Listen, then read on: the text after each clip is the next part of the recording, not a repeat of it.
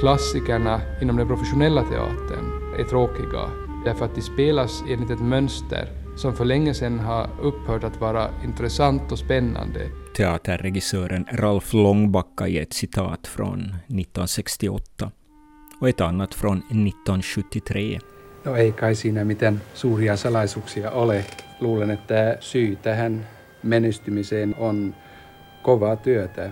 Från 2003. Det finns nästan ingenting som är mer negativt än när man börjar förändra någonting därför att man känner på sig att man borde göra en förändring.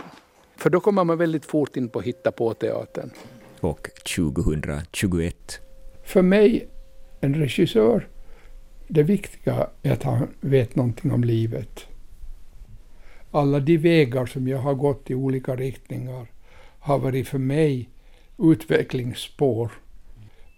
Jag tror att jag egentligen först i teatern upptäckte mig själv.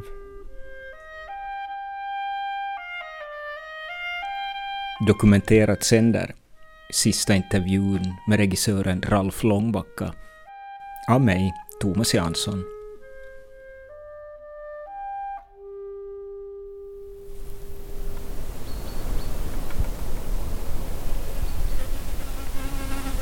Det skulle bli ett personporträtt i hans 90-årsdag.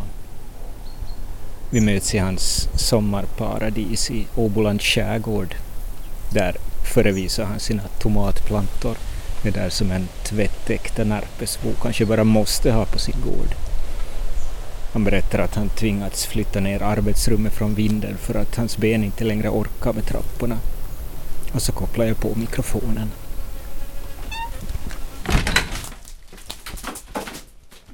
Vi bodde i ett skolhus. Alltså i ändan av ett skolhus fanns lärarbostaden. Det var ett gammalt hus som inte hade några bekvämligheter. Det fanns ingen brunn, utan det var 80 meter efter, att gå efter vatten. Det fanns inget WC. Det var likaså 80 meter att gå och på vintern var det en jättelång sträcka. Och det var uppe på en ås som hade då på den tiden bönderna och, och andra hade, hade då beslutat på 80-talet att bygga ett skolhus. Och sen planterade de en skog runt. Och den skogen var vårt paradis. Det var ett ställe där man kunde uppleva allt. Där jag har gjort mina första regiförsök med att, att få andra att förstå hur man kan leka Robin Hood. Eller, eh, allt det här kunde spelas där i den miljön. Ralf Långbacka hör till Finlands viktigaste 1900-talsregissörer. Aktiv både på svenska och finska och också utomlands, framförallt i Sverige. Den lilla österbottniska ortens lärarson som redan som 27-åring blev teaterchef och som 38-åring tillsammans med Kalle Holmberg påbörjade ett ledarskap vid Åbo stadsteater som fortfarande hör till den finländska teaterhistoriens mest legendariska och som i november 1973 fick Dagens Nyheters Leif Cern att slå fast att Åboteatern blivit en av Europas ledande teaterscener. Jag vet att han är mångordig och svår att styra. Så inför träffen förberedde jag intervjun mer noggrant än kanske någonsin tidigare. Jag ska inte låta honom sväva omkring med ett överflöd av namn och små detaljer som i de närmare 2000 sidor långa memoarerna, utan istället fokusera på Närpes, de slumpmässiga händelser som ledde in honom på teaterbanan, tiden i Åbo, teateravskedet i Vasa och känslan av att glömmas bort när ingen längre ringer för att erbjuda nya jobb. Min väl förberedda idé spricker nästan genast. Ralf Långbacka är omöjlig att regissera. Och när vi efter tre timmar bestämmer oss för att sluta för dagen kommer vi överens om att återkomma för ännu ett samtal. Då vet varken han eller jag att de tre timmar jag har på band blir hans sista intervju. Ralf Långbacka dör den 27 juli 2022 i en ålder av 89 år. Men ett personporträtt ska det ändå bli. Och då fortsätter vi med att återvända till Närpes, som jag på något sätt föreställer mig att ligger bakom hans tro på att man kan komma från en liten ort långt borta från metropolerna och ändå erövra världen. Hos min pappa, som också kom från Närpes, fanns det nämligen något av detsamma. Så jag frågar, finns det något av en världserövrartro i Närpes DNA? Kan vi säga så här att, att Närpesborna har ju varit eh, sådana som har farit ut i världen och kommit tillbaka. Emigrationen från Närpes var ju enorm. Räknar att 9000 Närpesbor emigrerade till USA och under senare skedet till Sverige. Och det var ju därför att eh, när i en hemgård fanns åtta, nio barn och ett hemman som absolut inte kunde delas upp i åtta delar när det var eh, litet redan från början. Då fick man lov att, att, att hitta andra vägar och Närpesborna for ju väldigt mycket ut. Dels, och då sen var det mycket, mycket sjöfarande. Närpes var, var skeppsbyggare redan på 1500-talet och, och, väldigt många sjömän var, var det fanns det också. Så det, det, var också en del av, av, av en kultur som, som kom in. Men det som kom tillbaka från USA så hade ofta mycket då impulser och, och, intryck. Jag tror att den företagsamheten är väldigt, väldigt påtaglig i Närpes. Och det kan man ju se idag. Om vi återvänder ännu till, säg 1947, du är 15 år, det är ett par år sedan kriget har slutat, det är ett par år sedan tills du blir vuxen och ska hitta din egen väg. Kan du beskriva vad du då tänkte om din framtid? Eh, det var ju framförallt idrotten som intresserade mig då. Var, var ganska bra höjdhoppare. Och jag deltog i, i SFI-mästerskap, bland annat i Pargas. Och mitt stora genombrott hade jag tänkt mig skulle äga rum i Mariehamn. Eh, det var 1948, 49, eh, kommer inte ihåg exakt. Men där rev jag av senen i ytterfoten på höger fot. Och det blev aldrig bra. Och där slutade min idrottskarriär. För övrigt så spelade jag fotboll också i, i Närpes Kraft som, som 16-åring i, i A-laget. Vilket nog var lite för mycket för en 16-åring då på den tiden. Fast jag var ganska snabb. Så att jag, det här med, med orken var det nog svårt med. Mina tankar låg mycket på matematik. Matematik var mitt starka ämne. Och eh, jag skulle kanske ha börjat studera matematik om det inte på klassen hade funnits en som var eh, ännu mycket bättre än jag. Och eh, när jag tänkte att om det finns en på klassen som är bättre än jag, då är det nog ingen idé att jag försöker det, att jag tar nog någonting annat där jag, där jag är säkrare.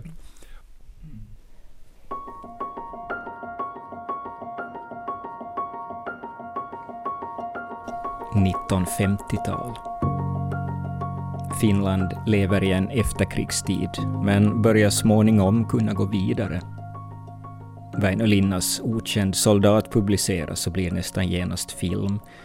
Det finns 15 gånger fler hästar än personbilar i landet. Och 1952 får Finland arrangera olympiska sommarspel. Också för Ralf Långbacka öppnar sig världen och vid två tillfällen spelar slumpen in på ett sätt som får honom att varken satsa på matematik eller musik eller idrott, utan på teater. 1950 flyttar han till Åbo för studier vid Åbo Akademi, spelar klarinett i Akademiska orkestern, sjunger i Brahed Jäknar, idrottar med IK Akademika men när han på studentkårens vägg råkar se studentteaterns affisch om att verksamheten skulle tas upp på nytt, tänker han varför inte?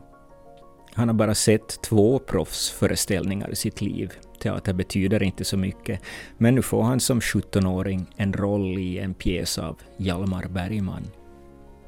Och teatern känns rätt och i samband med att han vikarierar som matematiklärare i Malax prövar han också på regi, en första Tjehov för Finnby ungdomsförening.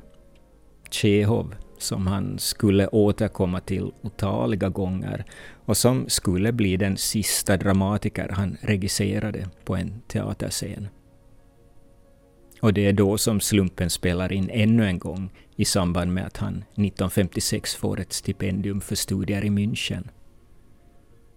På vägen dit frågade jag vad det var som slutligen fick honom att satsa just på teater, fast han också hade smakat minst lika mycket på musik och journalistik och läraryrke. Jag tror att det var det att, att jag plötsligt kom underfund med att det var någonting som hade funnits i mig hela tiden. Att utan att jag hade vetat om det så hade jag varit regissör under hela min barndom den som hittade på, den som, den som var som kunde, liksom, kunde hålla ihop med flera pojkar, kunde dela upp det med vad de gjorde och vem som gjorde de rollerna och hur man gjorde det och det. Och med den där fantasin som, som i den där skolbacken. Vi spelade nästan alla filmer som vi såg, så spelade vi där. Och det visade ju sig sen att, att det var nog den starkaste ordern av alla. Att eh, när jag sen sökte och fick ett stipendium, på den tiden var det inte många som fick de här sådana stipendier. Det var ett ettårsstipendium i Tyskland och de delade ut tre stycken i Finland. Men jag kom till München och studerade teaterwissenschaft och tyska och framförallt sågteater. Jag såg säkert fyra, fem föreställningar i veckan. För studenterna fick där, om man stod och väntade, så fick man köpa billiga biljetter om det fanns platser. Och jag fick en amerikansk rumskamrat när jag bodde på ett studenthem. Och den vänskapen förde mig till Italien under de här studierna. Och eh, Venedig, vi bodde på ett studenthem, eller på vandrarhem.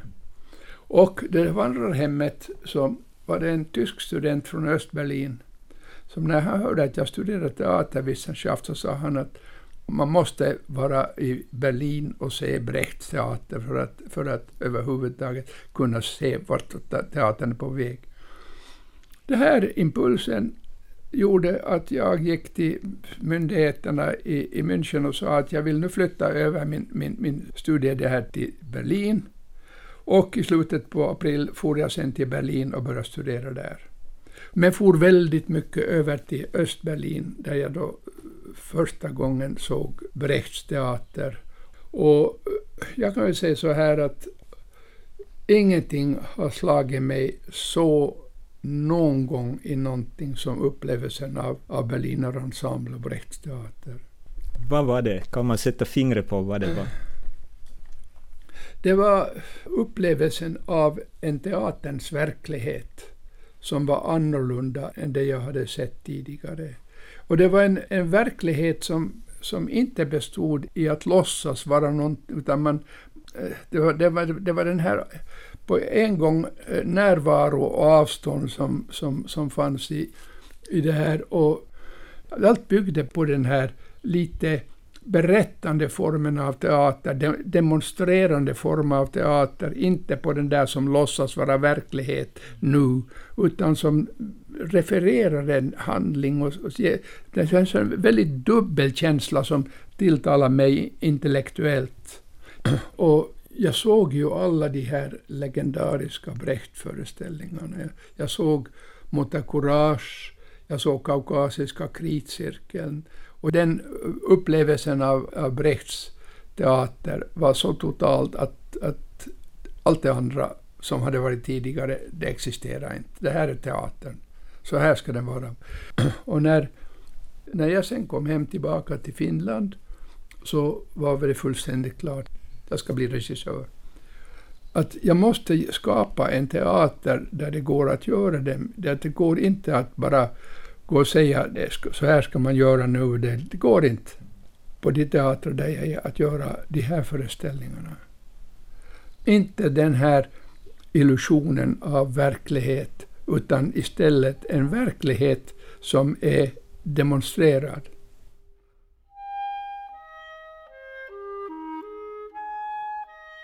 Jag måste skapa en ny teater i Finland det låter som ett rätt kaxigt påstående för en 24-åring. Kanske spelar det där Närpes-DNA in igen.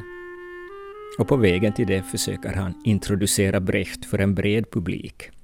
Så här låter Ralf Långbacka i radion 1960. Berlin 1928. Teater am Schiffbauerdamm.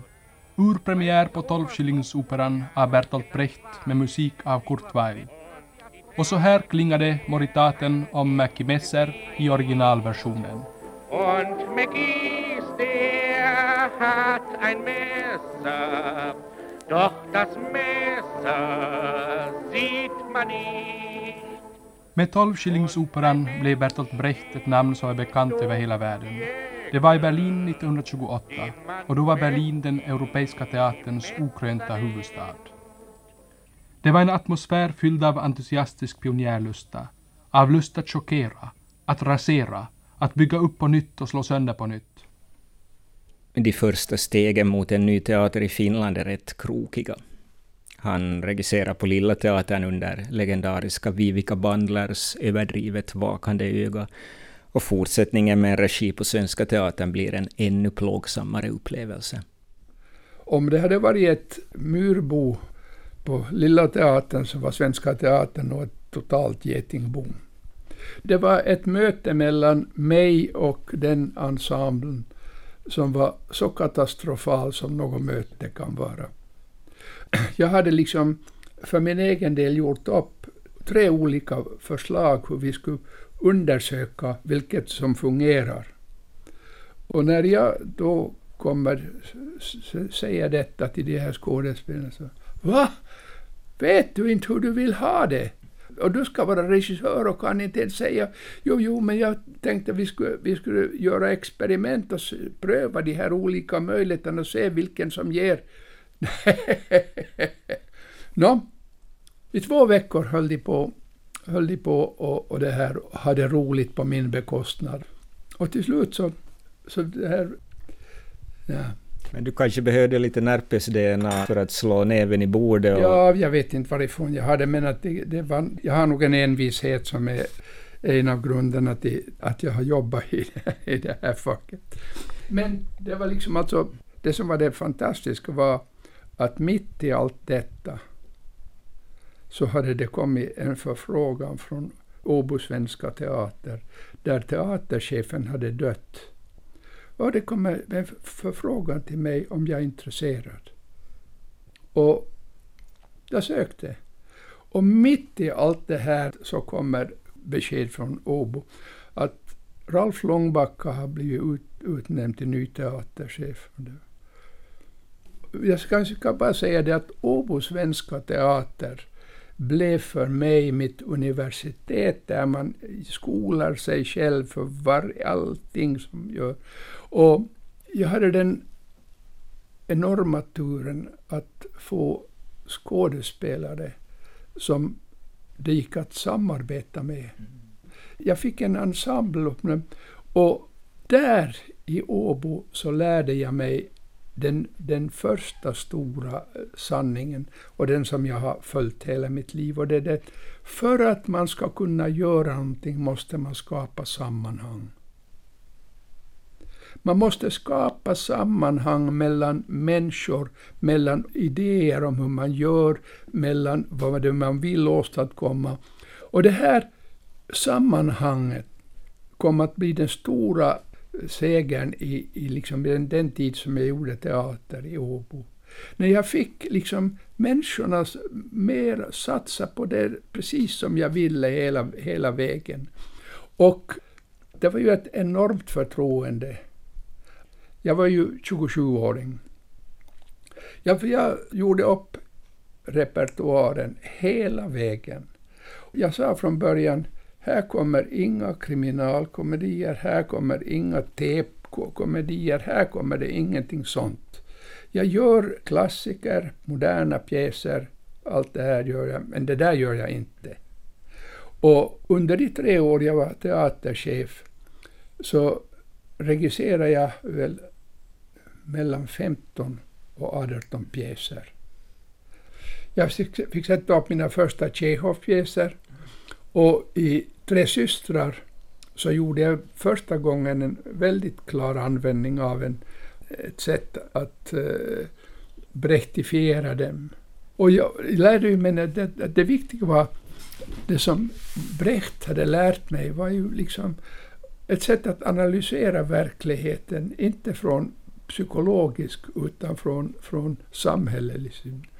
Där man, där man hela tiden utgår från relationerna. Det, man, man, utgår inte från personen, utan man utgår från relationen mellan två människor. Det är den man ska berätta. Och det, det här lärde jag mig att använda utan att det behövde vara, vara Brecht-pjäser.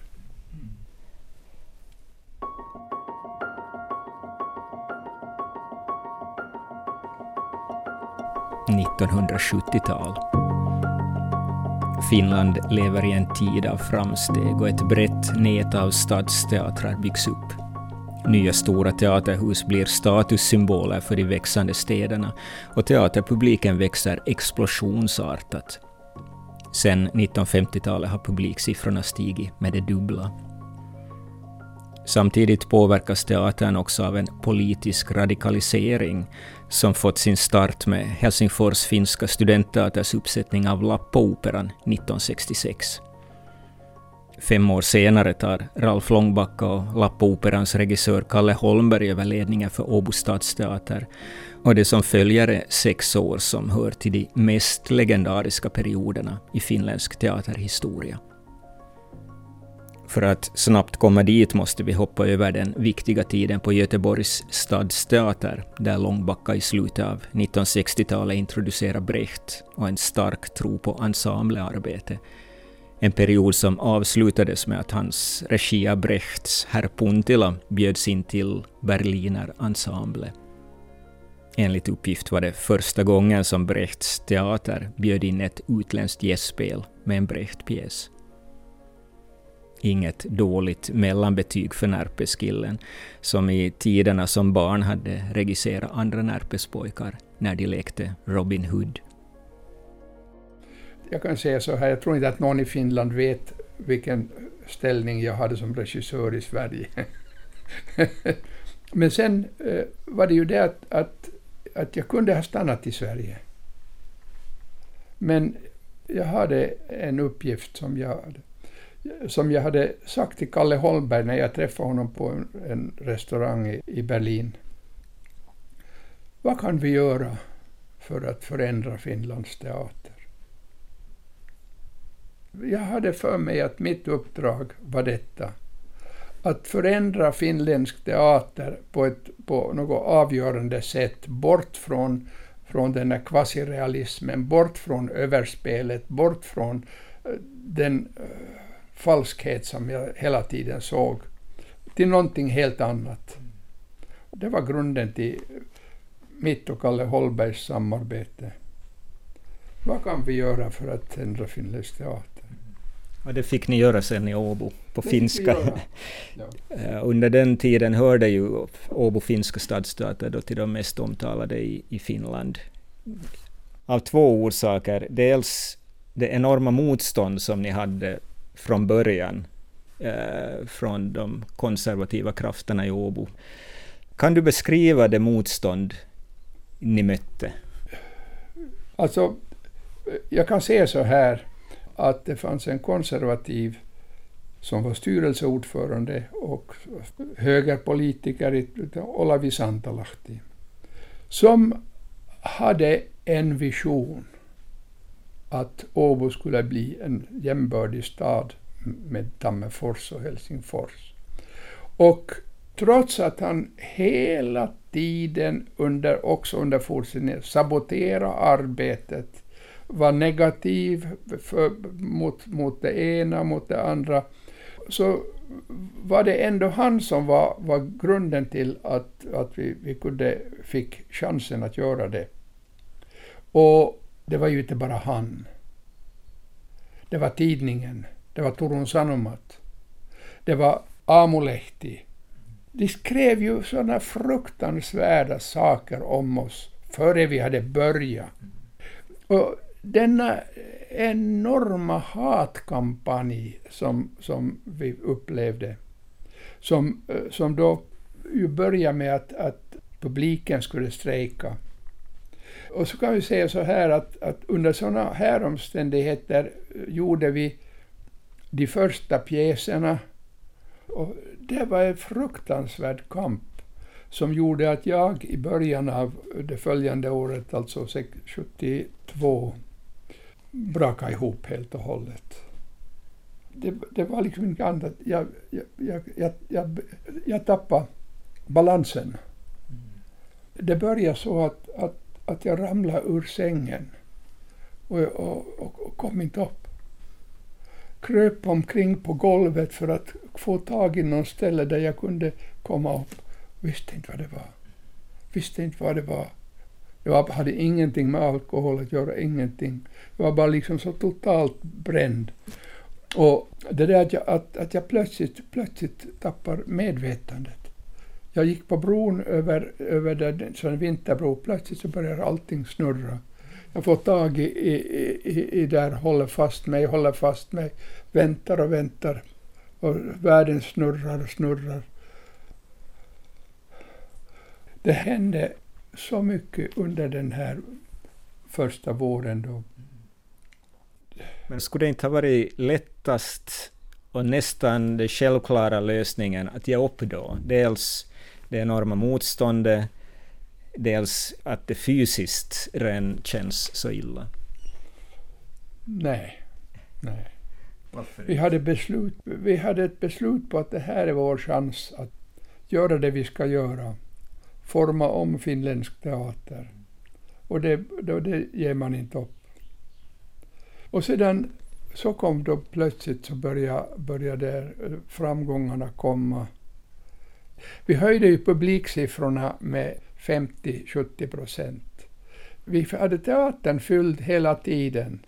Och Åboborna, de som hade, skulle strejka, de började nu bråka med varför får andra komma hit till se vår teater när vi själva får biljetter. Sådant är livet. Ja. Niin kuin jokainen kunnon käsityöläinen ottaa vastuun työstään, itsestään ja loppujen lopuksi kaikista ihmisistä. Juuri vastuun ottaminen tekee meistä ihmisiä. Yksikään eläin ei pysty ottamaan vastuuta. Finlands på 1970-talets stora teaterstjärna Esko Salminen i Långbackas regi av van Gogh ja Postinkantaja, brevbäraren från Arl. Det här var en av de stora framgångarna under tiden på Åbo stadsteater, där man faktiskt lyckades med att kombinera kommersiell framgång med den slogan Långbacka jobbar för, en konstnärlig teater att man lyckades med att skapa en utpräglad ensembleteater med gemensamma mål och en lust att gestalta en värdig förändring gjorde att tiden i Åbo blev så betydelsefull. Småningom mattades också hatkampanjen mot duon Långbacka Holmberg av, men medierna följde ständigt med vad som hände. Till och med det då så trendgivande och det viktigaste aktualitetsprogrammet Ajankohtainen Kakkonen fyllde en hel sändning med Ralf Långbacka. Suomalaista teatterikeskustelua on ryydittänyt ja ryydittää edelleenkin myös yksi teatteri, Turun kaupungin teatteri ylitse muiden. Ralf Långbacka, mikä tämän teidän teatterinne salaisuus on? No ei kai siinä mitään suuria salaisuuksia ole. Luulen, että syy tähän menestymiseen, jos näin voi sanoa, on kovaa työtä. Että me toimme toisen vaihtoehdon tähän kulttuuripiiriin. Onko tämä teidän vaihtoehtonne vasemmistolainen vaihtoehto? Näin on, väitetään. On se vasemmistolainen. Siellä mä haluaisin sanoa se, että minä en usko sellaisen teatterin, joka yrittää, että se on jonkinlainen parempi painos puoluepolitiikasta. Teatteri ilman maailmankatsomusta ei toimi minun mielestäni. Teatteri, missä on puoluepolitiikkaa, ei myöskään toimi mun mielestäni. Vår politiska teater var att undersöka samhället med hjälp av de, de metoder som finns och marxismen var för oss nog båda en grundidé. Men politisk teater, inte i bemärkelsen slagord, utan i bemärkelsen samhällsanalys och samhällsundersökning. Det var liksom, vi, vi avskydde all politisk slagordsteater. Det fann, vi gjorde aldrig någon sån. Utan det var liksom en analys av samhällsförhållanden på olika sätt i olika pjäser.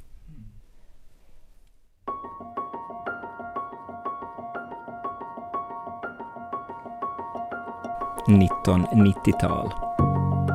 De politiska murarna mellan öst och väst har fallit och på teatrarna slår den så kallade postdramatiska teatern igenom, med start i Tyskland. Klassikerpjäser klipps sönder och ges nytt innehåll. Det handlar inte längre om att berätta den ursprungliga berättelsen utan om att dekonstruera och kommentera klassikern ur ett samtida perspektiv. Lite som Brecht hade gjort men Ralf Långbacka fnyser hitta på teater och ser inte något gott i den nya trenden. Det är också nu som han ska ta avsked av teatern. Efter tiden på Åbo stadsteater har han frilansat både med teater och opera, skrivit böcker om Tjechov och Brecht, tackat nej till ett jobb som chef för nationalscenen Dramaten i Stockholm eftersom han inte litade på att hans teatersyn skulle få genomslag. Och så 1989 konstaterar han offentligt att det inte ska bli mer teater för hans del. Det löfte höll i tre år, men sen kom det här. Här är TV-nytt, god afton. Demokraternas partikonvent börjar i New York. Teatervirus sätter upp Shakespeare i finländsk skärgårdsmiljö. Och imorgon är det premiär. Jag tycker den här är en alldeles otrolig, fantastisk miljö som passar utmärkt för en teater. TV-nytt rapporterar om Långbackas första samarbete med en helt ny ung generation, Teatervirus, och sommarteaterprojektet ute på Kalvholmen utanför Helsingfors. Shakespeares Som ni vill ha det. Det här skulle bli den Långbacka-regi som människor fortfarande minns ett projekt som svenska YLE också gjorde en TV-dokumentär om. Här några klipp ur den. Räkna inte med att här ska finnas någonting som liknar normala repetitioner under den här första tiden. Eh, utan ett slags sökande efter byggstenar, efter material som vi har när vi kommer dit till, till Kalvholmen. Men det viktiga är, som jag, som jag tror är, är att vi verkligen kommer till en situation där man tror på alla människor här tror på deras uh, lusta, tror på deras förälskelse, tror på deras... deras... Ja, gå du! Gå du! Jag visste väl att du var sån. Det var det mina vänner sa och det var precis det jag trodde. Det var den där lena tungan du har som lurar mig. Ett krossat kvinnohjärta. Vad är det? Så kom då död.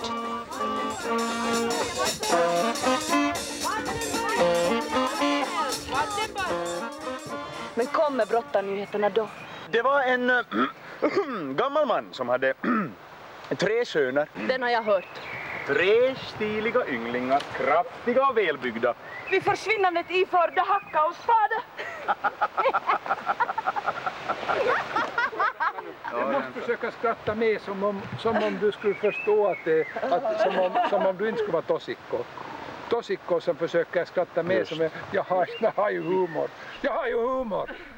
Då gjorde vi, började vi repetera där på, på land innan vi for ut. Och sedan var vi ju där i tre, fyra veckor ute på Holmen nästan hela dagarna och repetera och repetera. Och eh, för mig var det fantastiskt att jobba med unga skådespelare som var entusiastiska och villiga och allt, vill vad som helst. Ja, men det var så, det, det, var så otroligt den där sommaren och, och så hade vi så vackert väder. Mm. Och det var liksom, och människorna var, det slutade ju på det sättet att, att det gick i, i man vandrade med människorna ner till stranden och med musik och det här. Och de steg i båtarna och människorna stod där med, med facklor, på, på skådespelarna med facklor. Och båten for ut och där båten var på en visst håll så alla facklor ner så var det mörkt. Och det var, det var fantastiskt. Det var liksom sådana där idéer som kom då liksom hela tiden. Så jag, jag, eh, det är sådana minnen som man bara inte... Man kommer bara inte förbi dem. Och sen Jag förstår inte riktigt hur det, gick, hur det kunde bli så, så bra. Det är väl liksom som med teaterns magi, att man inte alltid vet varför det blir som det blir. Nej, man måste ju bara låta det hända och, och se vad som, vad, som, vad som kommer. Och så om, om man skapar impulser själv så får man impulser från skådespelarna. Och när man de här impulserna kommer så då, får man, då kommer det där fantastiska samspelet som är mellan regissör och skådespelare. Det kräver också att skådespelarna, att båda är öppna för varandras impulser. De ska inte stå där och vara, vara tycka vad gör den där jävla idioten nu igen och varför kan han inte göra så, som man ska göra. Nå jo, sedan kom det ju inte så hemskt många föreställningar för jag gjorde, jag gjorde ju ingenting i, nästan i Finland. Utan jag gjorde i, i Stockholm och så gjorde jag i Köpenhamn. För ingen ville ha mig i Finland. I dina memoarer konstaterar du ju kort det här just att, att du efter år 2000 tror jag du använder som, som gräns där, att du kände att du inte längre hörde till. Du sa att folk slutade ringa, att du inte fick, fick de här uppdragen mera. Men jag funderar att om man, om man en gång har varit med om att förnya teatern och har, har varit som mitt i hur processar man det här att tiden är förbi så att säga? Mm. Ja, egentligen så är det nog så att, att man borde inse det väldigt tidigt. Eh, nu var det ju för mig, det kom liksom ett andra skov när jag hade insett det. Så kom det här andra skovet med, med krocketspelaren Macbeth i Sverige, Macbeth på Operan, virus. Det var liksom plötsligt var det liksom var allt igen igång och liksom det var besämpligt. så när jag kom underfund med hur out man är så var det att jag hoppade in i Malmö scenskola så fick de liksom eh, ett back från en, en, en tysk som skulle göra en Brecht-kurs med dem. Och de frågade mig. Och jag for dit och, och höll två föreläsningar om Brecht. Och det vill säga att de var inte minsta intresserade av, av, av Brecht. De hade, hade en egen metod som de har tränat in där. Och varför, ska vi, varför ska vi diskutera något annat? När det, det, här, det här är ju fel. Då visste jag absolut inte mera. Absolut inte mera. Men hur processar man, man det? För det, även om man vet att okej, okay, aldrig mera och, och, nu ska jag lämna det här. Så no, om det har funnits i blodet så länge. För mig gick det ju bra genom att jag, jag satte så mycket tid på att skriva de där memoarerna. Som blev liksom en, en, ett sätt att, att, att komma tillbaka till det och göra, och, göra, och göra upp med det. Så det där, du menar att du fick det ur systemet så att säga med det? Att funger, fungerar det faktiskt? Det var nog för mig ett sätt att befria mig från det.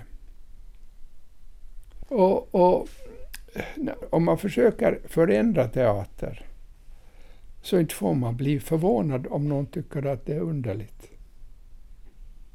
Annars skulle det ju inte vara någon förändring. Det är ju försöken att förändra som man måste se också i de negativa reaktionerna det har tagit. Förnyelsen ligger i att, att man går mot något gammalt. Men man måste också veta att, att någon gång är man själv där. Och inte det är någonting att säga om det.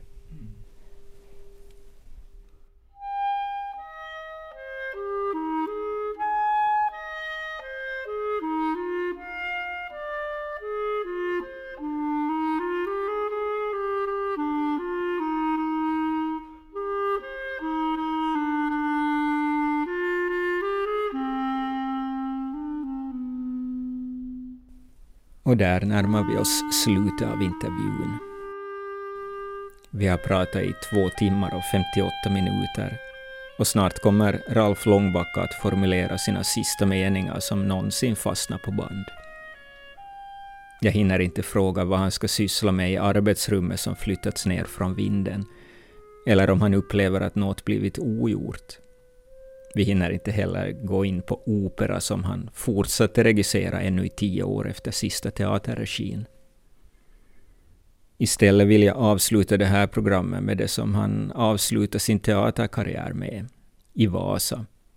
En av hans absoluta favoritpjäser, Anton Tjechovs Tre systrar, som han 2003 regisserade för fjärde gången.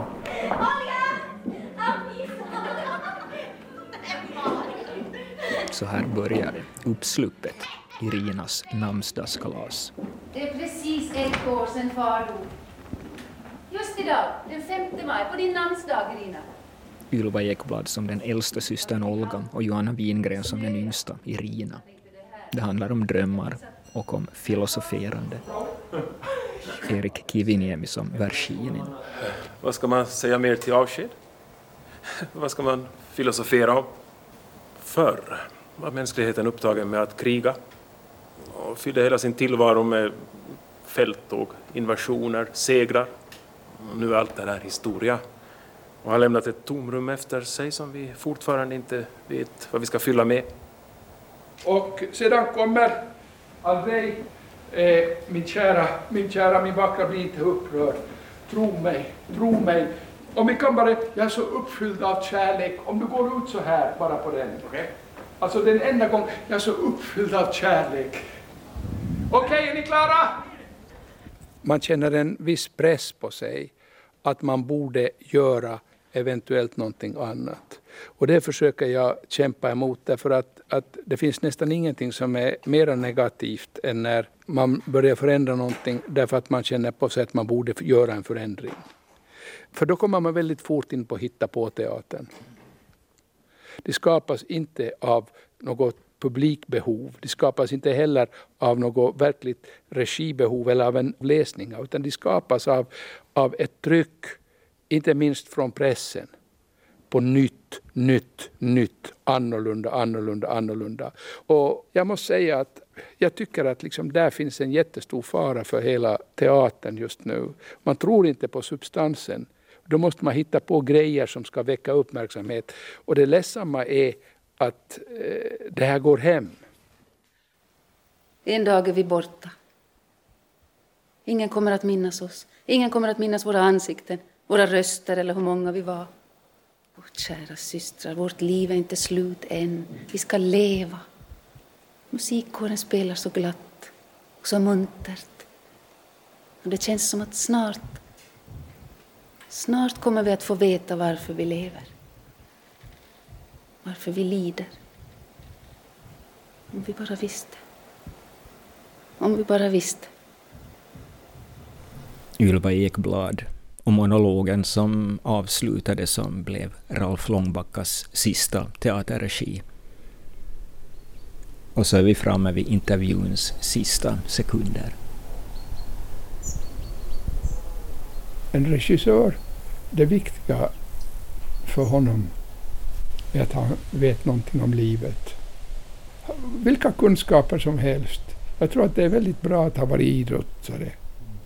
Jag tror att det är väldigt bra att kunna musik. Jag tror det är väldigt bra att älska natur. Jag tror att det är väldigt bra att ha läst filosofi. Det, jag menar, för, för, att vara regissör, det finns ingenting som du inte kan använda av kunskap. Och, och jag har upplevt bara att, att, att liksom alla de vägar som jag har gått i olika riktningar har varit för mig utvecklingsspår jag tror att liksom att jag egentligen först i teatern upptäckte mig själv. För där fanns någonting som, som hade funnits hos mig hela tiden men som jag inte hade vetat. Och det var ju liksom det, det, det är nog det, tror jag, den viktigaste sådär, för mig, att, att jag fått leva det livet.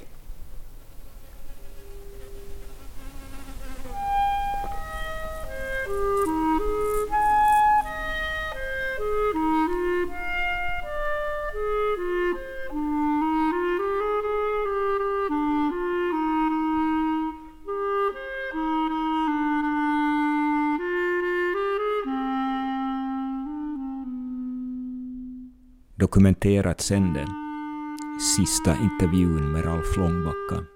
Av mig, Thomas Jansson.